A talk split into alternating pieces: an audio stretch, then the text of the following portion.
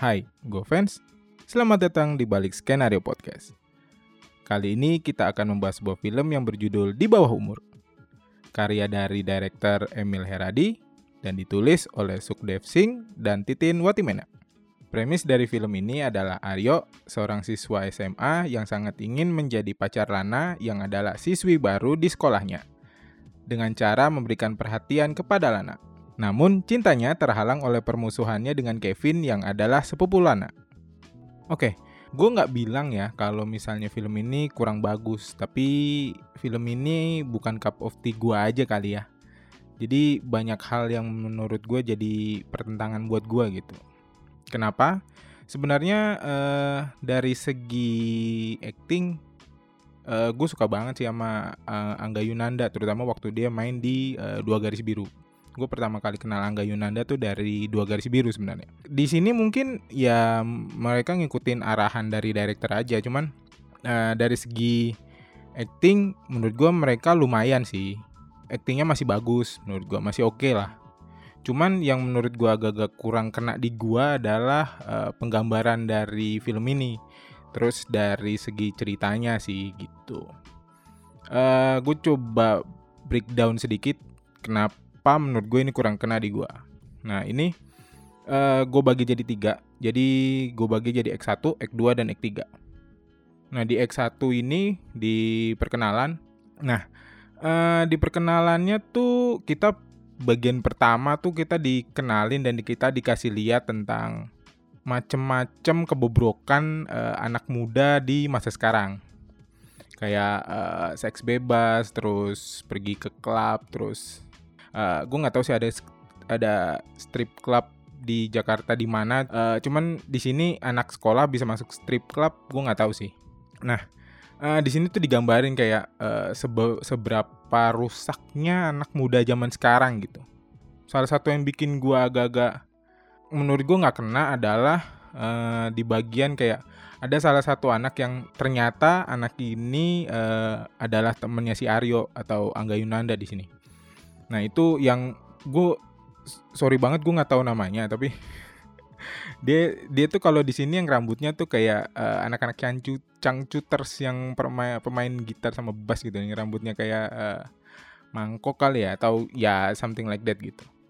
Nah, di situ ada ada acting dia beli uh, kondom di minimarket. Terus beli kondomnya kayak nggak kayak nggak merasa bersalah gitu. Uh, karena menurut gue secara realitinya kebanyakan yang gue tahu uh, orang tuh kalau beli kondom biasanya setahu gua nih ini ini ini ini setahu gua kalau mau beli kondom tuh orang kayak takut malu terus kayak sembunyi sembunyi gitu. Bahkan uh, gue pribadi pernah ngeliat orang beli kondom pakai masker sama pakai helm masuk ke dalam minimarket ya.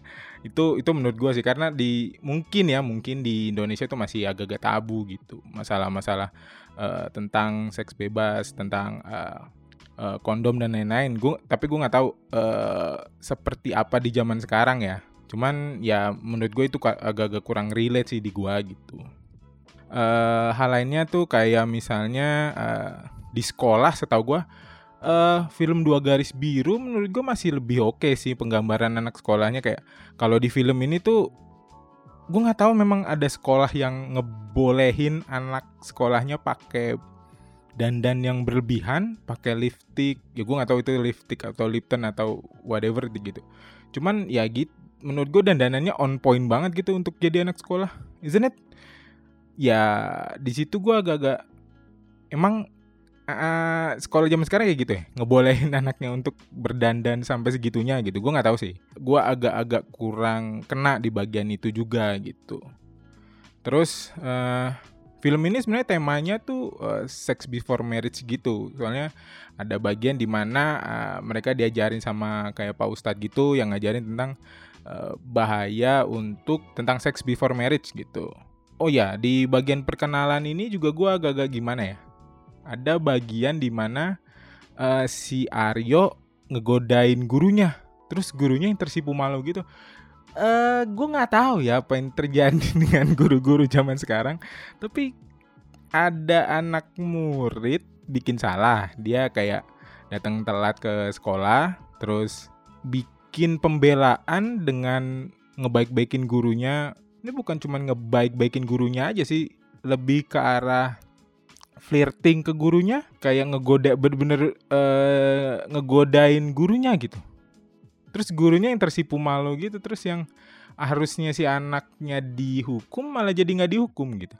Ya, gue nggak tahu siapa yang terjadi dengan pendidikan yang sekarang.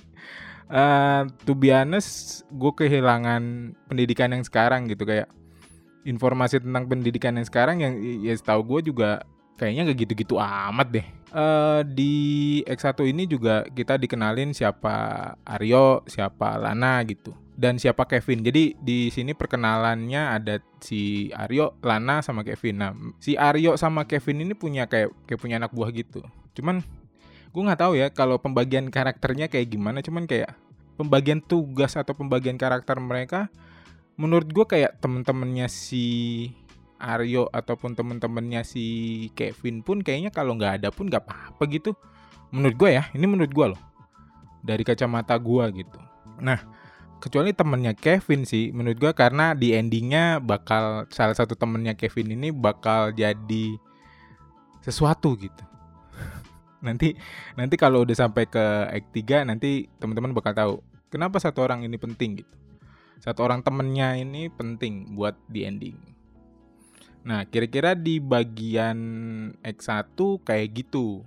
Nah, akhirnya eh, akhirnya ketemulah si Aryo kenalan sama Lana, ketemunya juga anak baru, ketemu mungkin mungkin ya kayak si cowoknya ganteng, ceweknya cakep, terus main lihat-lihatan terus suka. Ya simpel banget sih. Sebenarnya kalau dari premis pun sebenarnya harusnya simple banget sih. Filmnya pun harusnya jadi simple gitu. Cuman cuman uh, gimana ya?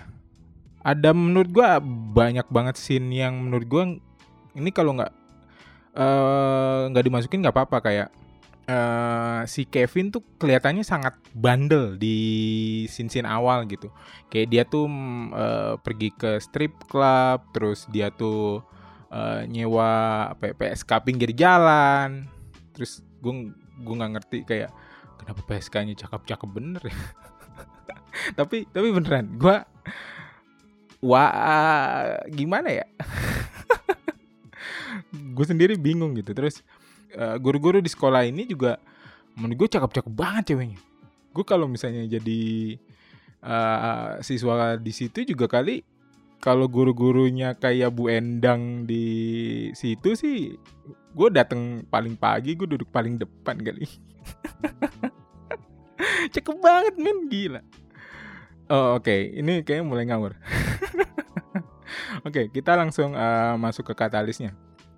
Nah di katalis tuh akhirnya uh, mereka ketemu, akhirnya Aryo uh, mulai suka sama si Lana, begitu ketemu ngeliat, akhirnya mulai uh, masuk ke Act 2 si Aryo mulai nyoba buat deketin si Lana.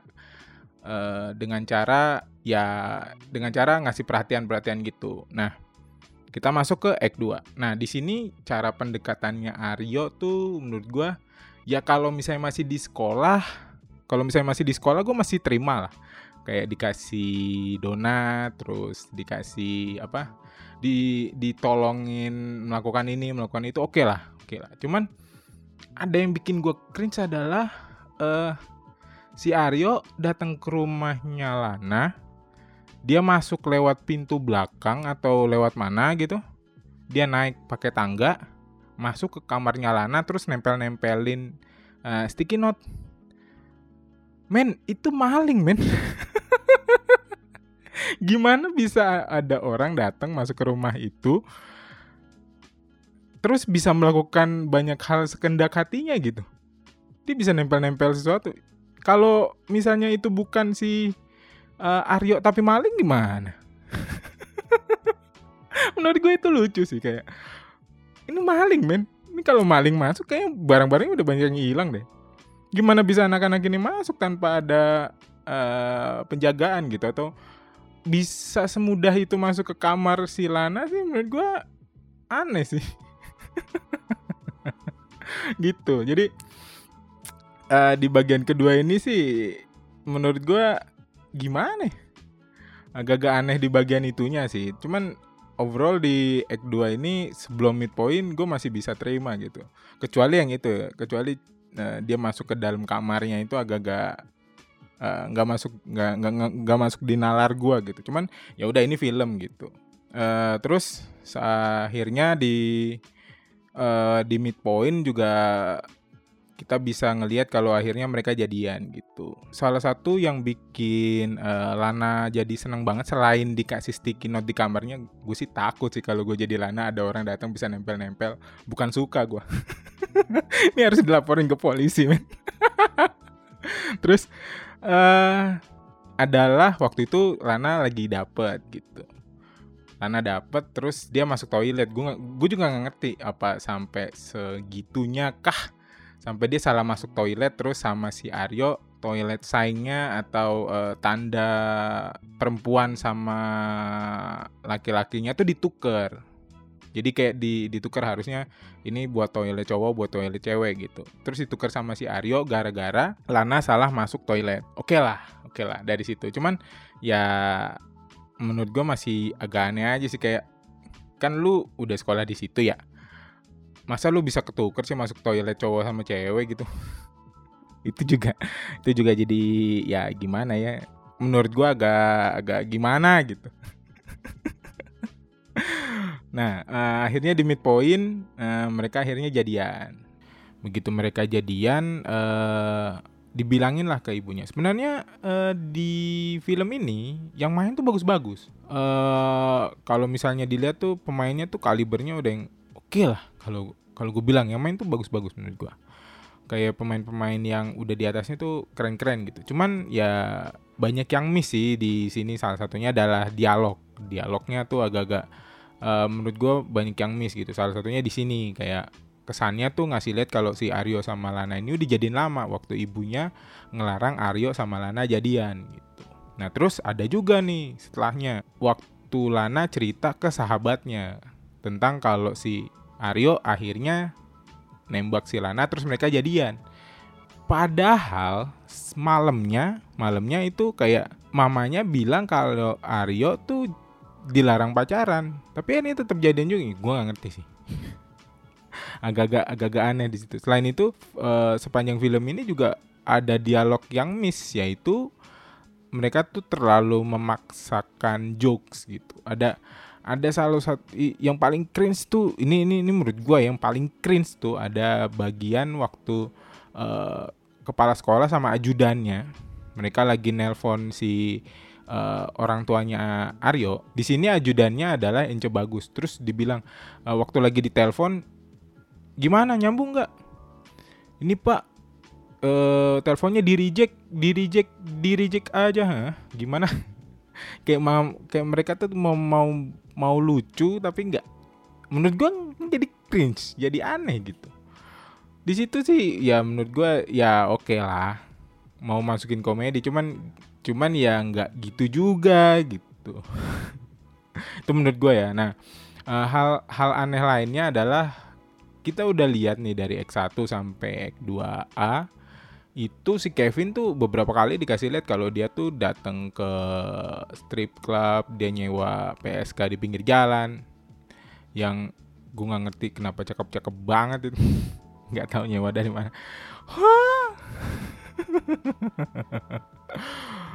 Terus uh, sampai ya gitulah kenakalannya si Kevin. Tapi uh, kesannya dia nggak menghormati perempuan. Tapi begitu masuk ke Act 2B itu si Kevin mendadak kayak uh, cowok yang sangat baik gitu.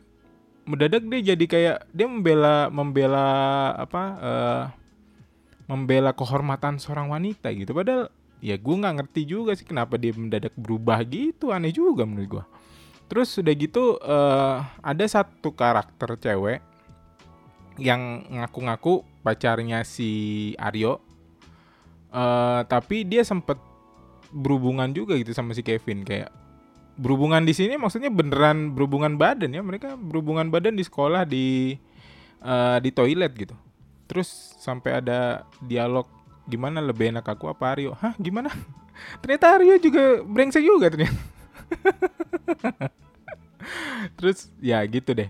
Uh, nah di Act 2B ini kita masuk ke All It Lost juga nih. Uh, Aryo sama Kevin nih uh, berantem. Nah akhirnya waktu mereka berantem penonton jadi punya informasi baru kalau ternyata Aryo sama Kevin ini berantem karena uh, mereka punya sahabat namanya Naya dan Naya ini hamil di luar nikah dan hamil di luar nikahnya kalau katanya si Kevin adalah karena Aryo gitu. Nah si Kevin mati-matian gak mau Lana sama si Aryo karena eh, takut si Lana jadi hamil di luar nikah karena Aryo gitu katanya. Nah begitu di Act 2B nih kita jadi eh, jadi tahu ada informasi baru gitu. Jadi di Act 2B ini masuklah ada subplot baru yaitu sebenarnya udah udah ditaruh di awal sih cuman menurut gue agak kurang banyak latar belakangnya kenapa gue kira itu cuman montage biasa kalau montage yang tadi gue bilang kayak montage di depan tentang uh, kebobrokan anak muda aja gitu ternyata